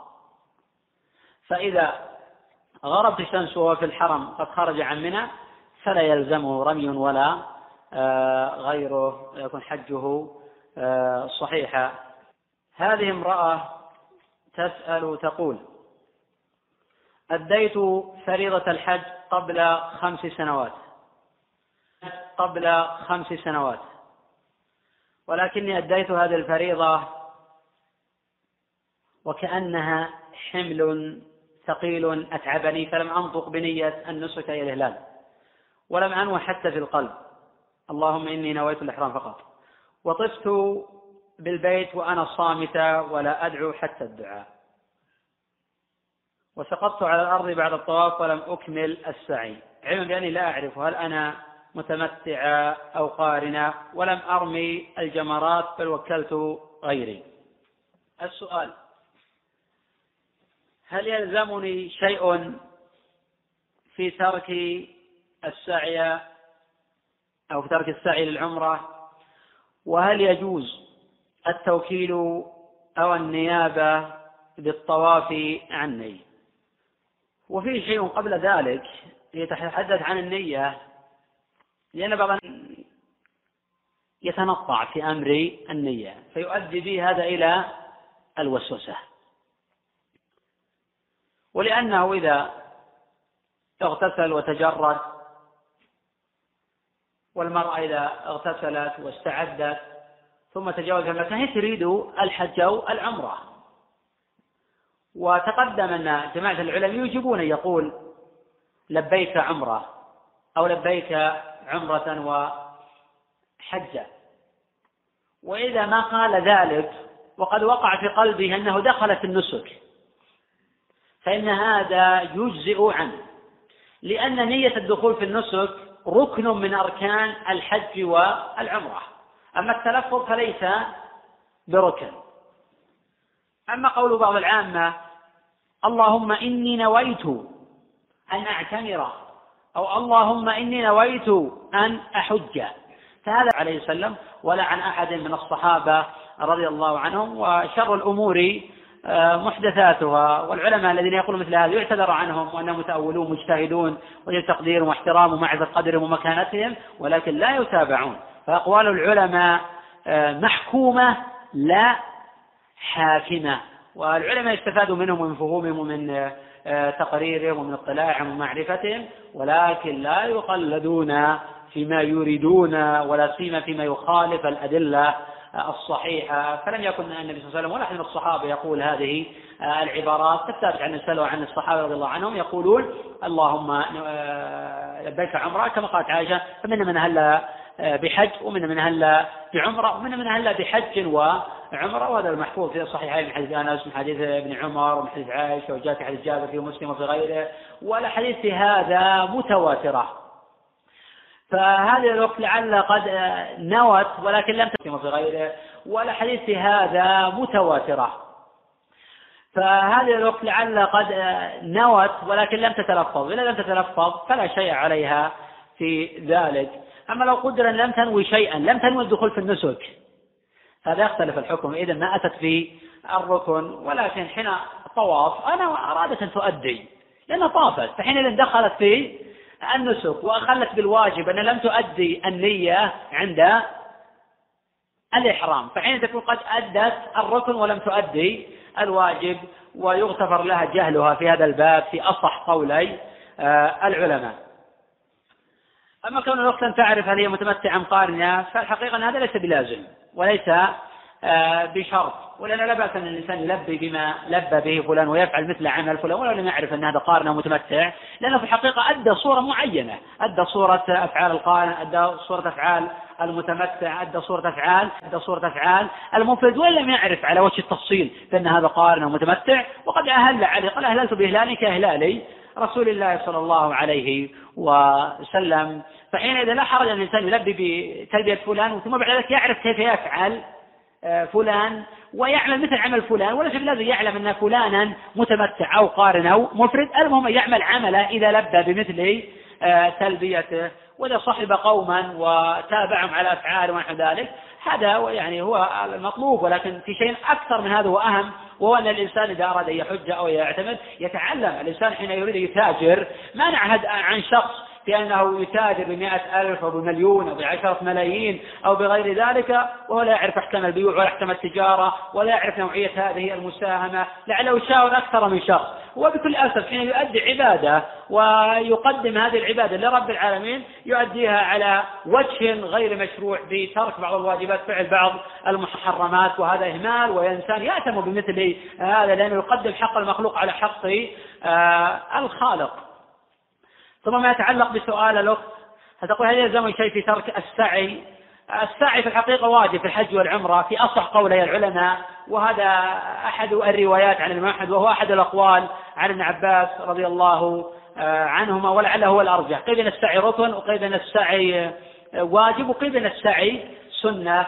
هذه ثلاث مذاهب لأهل العلم وكلها روايات عن الإمام أحمد رحمه الله والصواب من ذلك بأن السعي واجب فمن تركه يجبر بدم في قول الذين يقولون بأن السعي واجب وقال طائفة من العلماء بأن السعي واجب ولا يجبر بدم ولا سيما للجاهل والناس والمتأول فيستغفر الله في مكة خروجا من خلاف العلماء فهذا أمر محمود ويؤجر على ذلك خروجا من خلاف العلماء ولأنه قال طائفة من العلماء ولأنه لعله يتمم ما نقص من هذه الحجة ولكن هذه الأخت لو لم آه، تنحر دما فهذا أيضا قول طائفة من العلماء لأنه لا دليل على آه، الدم. ثم تقول الأخت هل يجوز التوكيل أو النيابة بالطواف؟ عني. هي طافت تقول. تقول طفت بالبيت. إلا إذا كان الأخت تقصد وهل يجوز التوكيل والنيابة بالرمي عني لأنها قالت في السؤال ولم أرمي الجمرات وقد وكلت آه، غيري. فلعل الأخت تقصد آه، الرمي فسبقت يدها إلى آه، كتابة الطواف. وحينئذ التوكيل بالرمي في تفصيل. الأصل أن الإنسان يؤدي العبادات في الحج بنفسه غيره. والأصل أن الإنسان يرمي بنفسه ما وجد إلى ذلك سبيلا. فإن استطاع أن يرمي نهارا. فأيام التشريق تبتدئ من بعد الزوال وينتهي وقته إلى طلوع الفجر الثاني. ترمي نهارا لفعل النبي صلى الله عليه وسلم. وإن عجزت عن ذلك تحاول أن ترمي ليلا. إذا عجزت عن ذلك فلا حرج أن تؤخر اليوم الأول إلى اليوم الثاني. أو اليوم الأول واليوم الثاني إلى اليوم الثالث.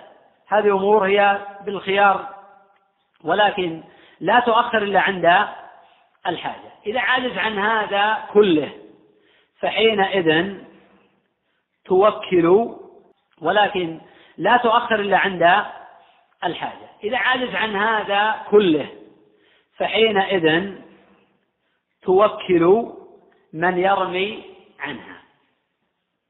وفي آخر يوم إذا أخرت الرمي إلى آخر يوم ثم رأت أنه زحام والرفقة سوف يذهبون.